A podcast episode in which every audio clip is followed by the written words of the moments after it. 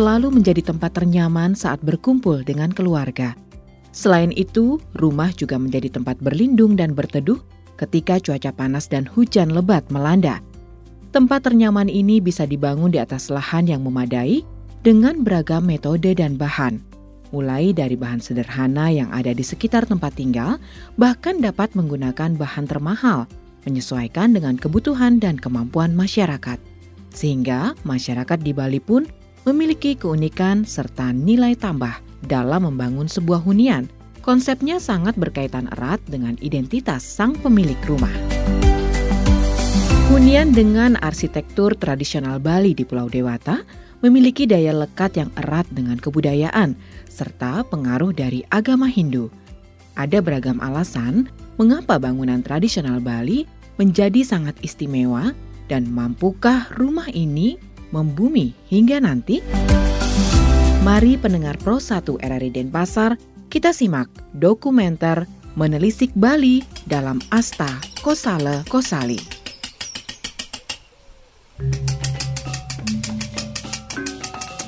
Masyarakat Hindu di Bali percaya bahwa kehidupan alam atau buana agung harus tetap seimbang dengan kehidupan buana alit atau kehidupan manusia. Bangunan tradisional Bali merupakan salah satu wujud dari buana agung. Nantinya, bangunan ini akan menjadi wadah aktivitas masyarakat yang harus harmoni dengan tuan rumahnya.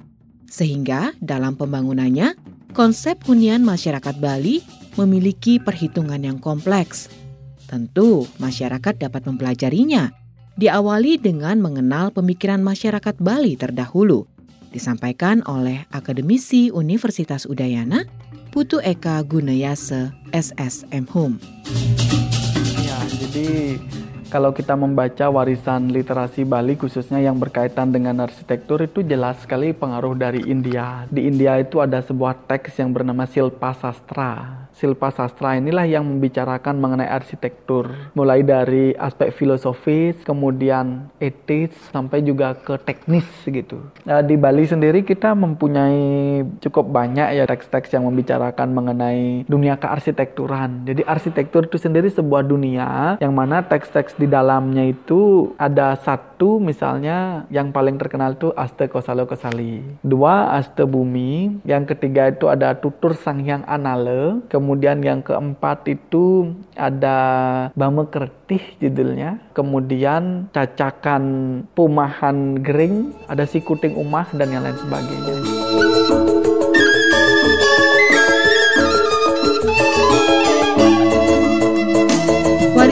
literasi masyarakat pada saat itu cukup banyak. Diyakini, masyarakat Bali mulai mewarisi ragam teks tentang arsitektur tradisional, yakni setelah abad ke-14, setelah masuknya kerajaan Majapahit. Pulau Bali sendiri telah memiliki masyarakat Bali Mula atau Bali Aga. Diyakini pula sebagai penduduk pada masa Bali awal telah memiliki model hunian tersendiri. Huniannya pun jika dibandingkan secara visual sangat signifikan berbeda dengan masyarakat yang telah mendapatkan pengaruh dari masuknya kerajaan Majapahit.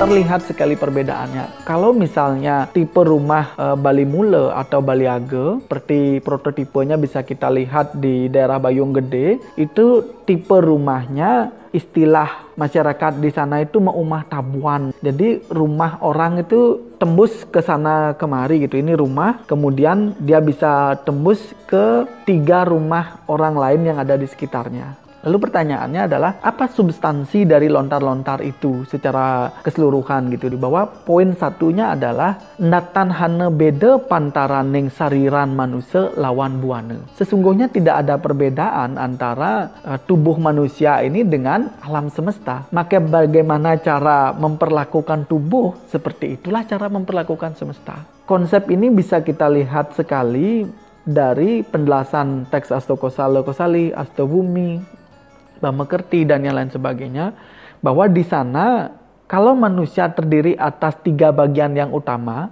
hulu, madya dan sor maka seperti itulah pembagian ruang di semesta ini. Proses berpikir masyarakat Bali dalam membangun sebuah hunian tidak terlepas dari konsep Trihita Karana. yaitu mengatur keseimbangan hubungan antara manusia dengan Tuhan, manusia dengan manusia, serta manusia dengan lingkungannya. Alam semesta sebagai lingkup kehidupan manusia pun menjadi sebuah kehidupan yang hidup, yang disebut dengan bawa meurip. Bagaimana cara manusia merawat dirinya? Seperti itulah manusia merawat alam semesta. Sehingga konsep ini pun diserap dalam ragam lontar arsitektur Bali, diterapkan dalam wujud bangunan tempat tinggal. Lontar Asta Kosala Kosali dan Asta Bumi menerapkan konsep bagian ruang aktivitas manusia menjadi tiga, hulu atau atas, madya atau tengah, dan teben atau sor atau bawah. Konsep ini disebut juga dengan Tri Angga. Bagian atas menjadi tempat suci, tengah untuk aktivitas, dan bagian bawah merupakan tempat pembuangan atau identik dengan tempat sisa-sisa. Sama seperti manusia yang membagi tubuhnya menjadi tiga bagian, yaitu bagian atas, tengah, dan bawah.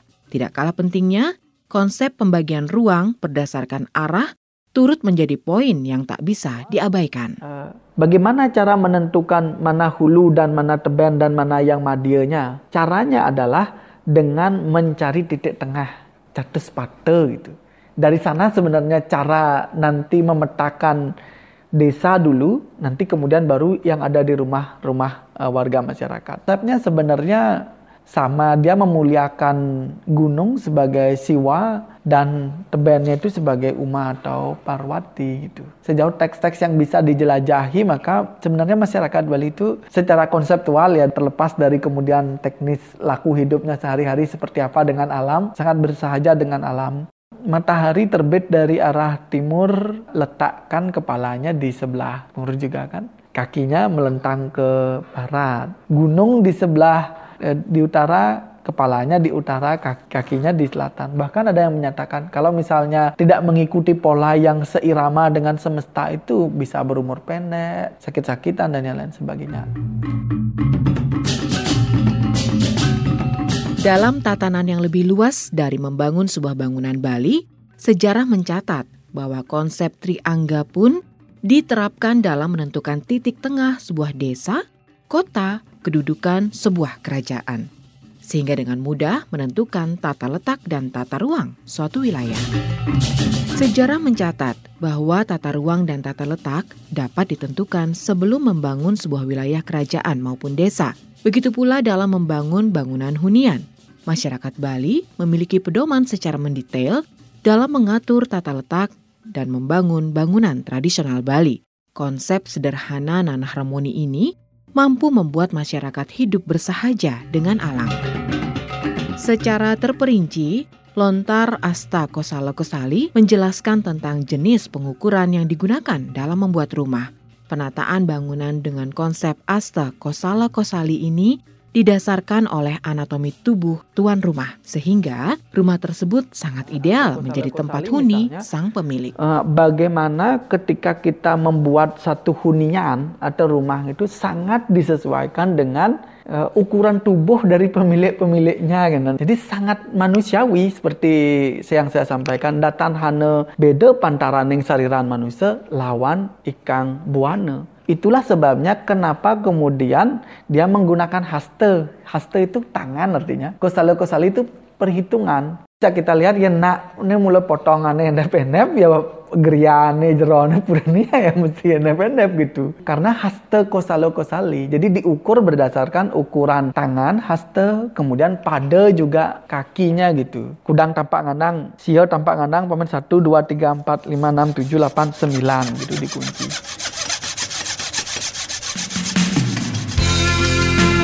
Membuat hunian dengan konsep asta kosala kosali membutuhkan seseorang yang disebut dengan undagi, orang yang ahli dalam membuat rumah tradisional Bali. Seorang undagi dibekali dengan pengetahuan tentang bagaimana menentukan tanah yang layak untuk didirikan sebuah bangunan, menghitung jarak, serta menentukan posisi dari masing-masing bagian dari sebuah rumah Bali, hingga memilih bahan yang tepat untuk masing-masing bangunan.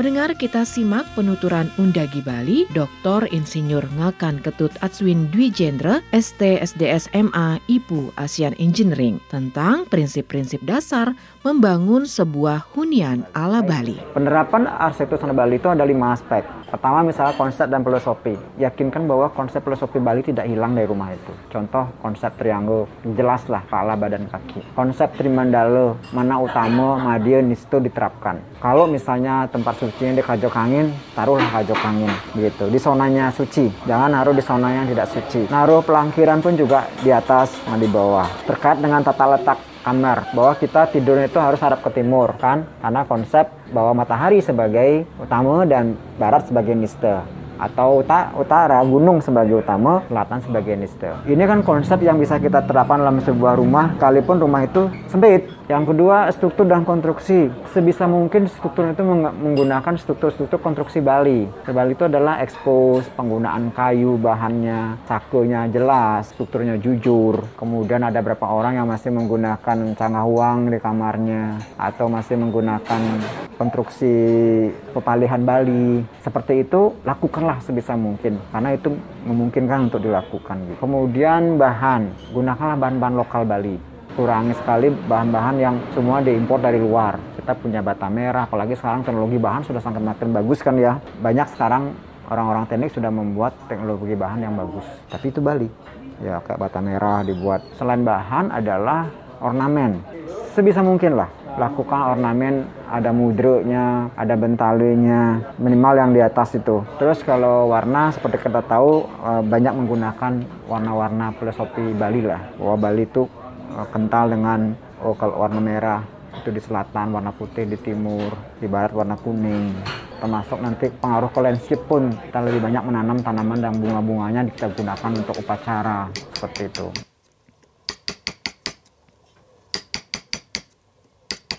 Bangunan rumah tradisional Bali digolongkan menjadi tiga, yaitu utama, madya, dan nista atau sederhana.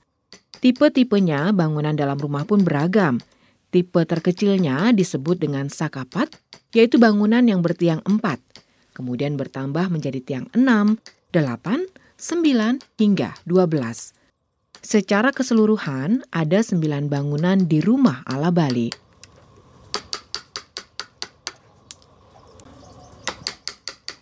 Dalam konteks hunian pribadi, seperti halnya menentukan dimensi pekarangan dan proporsi bangunan, perhitungannya akan menggunakan ukuran bagian tubuh penghuni atau kepala keluarga, seperti ukuran tangan dan kaki. Satuan ukur ini disebut dengan gegulak.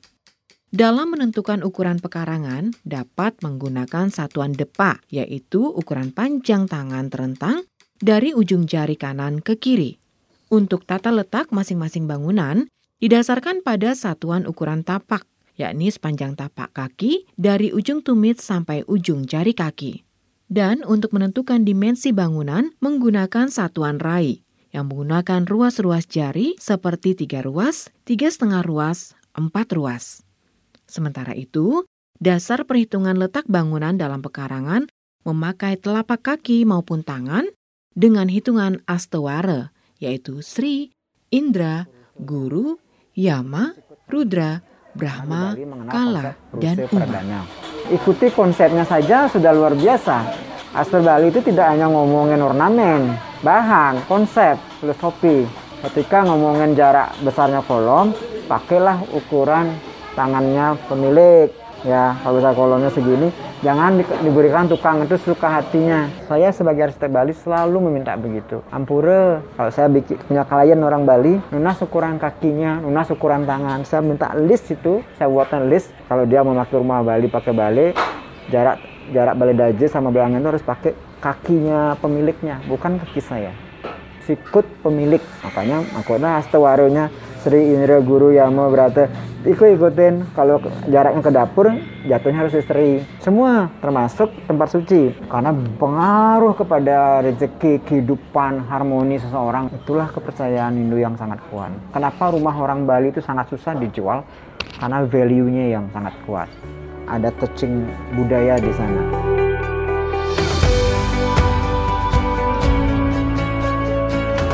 Beberapa keunikan dari rumah dengan arsitektur Bali menjadi sebuah hasanah Nusantara yang patut menjadi kebanggaan masyarakat Bali.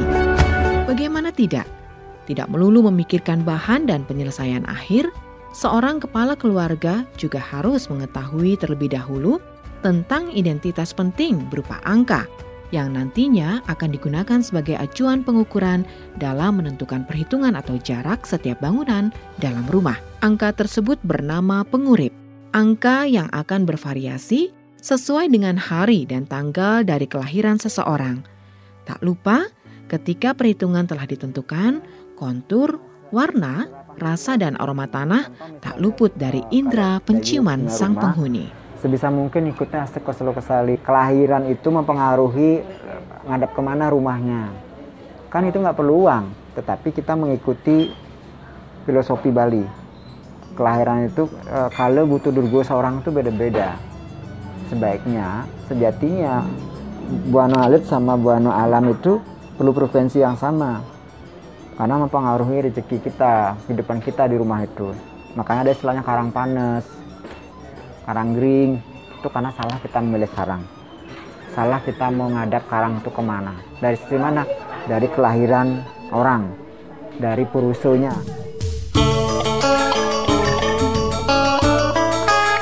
ketika dia berpegangan sama lontar Bamekirti mulai dari warna tanah itu dilihat. Ada banyak kan? Kita yang tidak meneliti itu kurang tahu.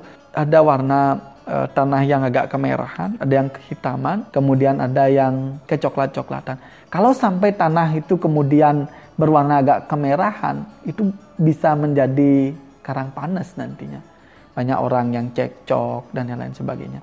Oleh sebab itu, yang kedua di samping warna tanah, rasa tanah juga dicicipi. Itu disebutkan dalam dalam geguritan selampah laku. Jadi yang fisik-fisik dulu ya di samping tata arah mata angin. Jadi kontur tanah, warna tanah, sampai rasa tanah itu dicicipi. Kalau alit itu kurang cocok. Hanya kan orang yang menekuni dunia ini yang paling paham mengenai jenis-jenis perbedaan tanah. E, ini kan menjadi sangat menarik agar e, tanah itu bisa menjadi e, tempat yang layak huni. Kemudian e, kemiringannya juga dicek. Ya ini di lontar si kuting umah itu disebutkan posisi-posisi rumah. Kalau misalnya di sebelah utara kemudian agak nyerendeng istilah Bali ini agak miring ke selatan itu pasti jelek gitu. Nah, si kuting umah ini uh, sama dengan feng shui-nya orang Bali lah gitu. Jadi memang ada mulai dari tata letak tanah, kemudian warna tanah, sampai kemudian rasa tanah itu memang mesti harus dikuasai oleh seorang uh, arsitek Bali gitu ya. Tanpa kita sadari, Para leluhur memiliki kepekaan yang sangat kuat ketika membuat sebuah hunian bagi penghuni Pulau Dewata. Menggunakan perhitungan berdasarkan hari kelahiran pemilik rumah dan pengukuran dengan anggota tubuh menjadi sebuah kesederhanaan yang membuat manusia pun nantinya betah. Rumah menjadi kian hidup, tentram, harmoni, dan niscaya mampu melindungi siapa pun yang menjadi penghuni. Apa? Memikirkan tentang tahan gempa, orang zaman dulu sudah memikirkan itu loh. Cuman tidak ter, terliteratur dengan baik saja. Termasuk kalau kita nanti pelajari Bali itu pakai sendi bergoyang ini sehingga dari kasus berapa kejadian gempa itu kan malah bangunan-bangunan Bali itu yang nggak roboh. Bangunan berlantai ini yang roboh. Kesederhanaan masyarakat Bali yang terpatri begitu dalam sejak lampau membuat semua elemen dalam rumah menjadi kian penting – namun dalam perjalanan panjang kehidupan, akulturasi budaya dengan kedatangan berbagai elemen masyarakat ke Bali semakin menguatkan bahwa konsep asta kosala kosali dalam sebuah rumah bukanlah hanya sekedar ajaran, namun prinsip agama, budaya, dan hidup yang tak akan terganti. Fakta yang terjadi saat ini, prinsip dasar hunian tradisional ala Bali memiliki tantangan tersendiri – dimulai dari tingginya harga lahan di perkotaan. Konsep rumah dengan 100% arsitektur dan perhitungan ala Bali boleh jadi saat ini hanya hitungan jari. Langkanya undagi, profesi arsiteknya bangunan ala Bali semakin langka. Jelas ketika kebutuhan meningkat, namun ketersediaan tidak dimungkinkan, akan terjadi kenaikan nilai sebuah jasa begitu menaruh tempat suci di tempat yang zona utama sejatinya kita sudah menerapkan arsitektur nasional Bali secara konsep dan filosofi Pertanyaannya keharusan enggak? Setahu saya kalau orang Bali yang masih menyusun budaya Bali susah rasanya merubah itu. Nah ini yang kalau tantangan pasti anak-anak milenial kita, anak-anak generasi set kita. Apakah mereka masih punya budaya itu enggak? Makanya budaya, agama, adat tuh paket itu. Nah tugas kita menginikan. Kalau nanti ada pertanyaan, kenapa tidurnya harus ada ke timur? Karena konsep kita bahwa matahari terbit adalah suci, utama dan barat adalah mistel, konsep orientasi. Sehingga kita anggap timur itu adalah suci utara adalah suci. Kenapa utara suci? Karena gunung ada di situ. Tetapi ketika ada di Beleleng, gunung di sana itu dia yang suci. Itu kan berbeda. Uh, kita nggak ngomongin utara selatannya versi bahasa Indonesia, tapi kajak kelornya Bali gitu. Mengakomodasi arsitektur Bali mahal. Kenapa? Bahan, bahan yang langka. Alang-alang itu mahal sekali sekarang. Kedua, tukang. Isunya tukang adalah tidak ada regenerasi tukang Bali. Ketika pekak saya undagi, paman saya undagi, saya masih undagi, anak saya belum tentu undagi. Bahkan generasi saya pun undagi sudah hilang. Itu fakta. Yang harusnya kalau pemerintah aware memperlestarikan sastra Bali, yang diajarkan kalau bimbingan teknis adalah bimbingan teknis tukang Bali. Sehingga tukang Bali jadi mahal. Dan ujung-ujungnya Bali juga jadi mahal. Kemudian panas Bali. Kenapa jadi mahal? Bahannya langka. Oleh karena itulah kita minta teknologi bahan yang bikin murah kayak paras beton yang sekarang sudah fabrikasi dijual sanggah-sanggah itu harganya kan 2 juta dua setengah sudah dapat. Nah, sehingga stigma bahwa arsitektur Bali itu mahal sudah mulai hilang. Karena ini kan perkembangan nih semua orang sudah aware bahwa harus mempertahankan Bali. Boleh lah kalau yang kaya mau seperti itu boleh. Tetapi yang saya mau sampaikan kita yang dananya sedikit pun sejatinya kalau ada niat bisa. Nah, cuma stigma di masyarakat kalau sudah Snow Bali kan mahal. Itu itulah tugas salah satu tugas kita mengedukasi bahwa nggak mahal lagi gitu loh. Bali menghadapi banyak tantangan di berbagai bidang. Tanpa terkecuali, kelihayan seni membangun rumah dengan arsitektur Bali. Dapatkah bertahan? Selanjutnya di dokumenter Menelisik Bali dalam Asta Kosala Kosali budaya Bali itu sangat lentur sekali dia selentur orangnya kita ini kan orang Bali sangat lentur sekali dengan budaya paling umum itu lahan satu are sampai satu setengah are. Kisaran umur 25 sampai 35 tahun. Uh, tidak sama sekali. Uh, intinya saya punya budget sekian. Uh, minta tolong didesain pak. Gitu aja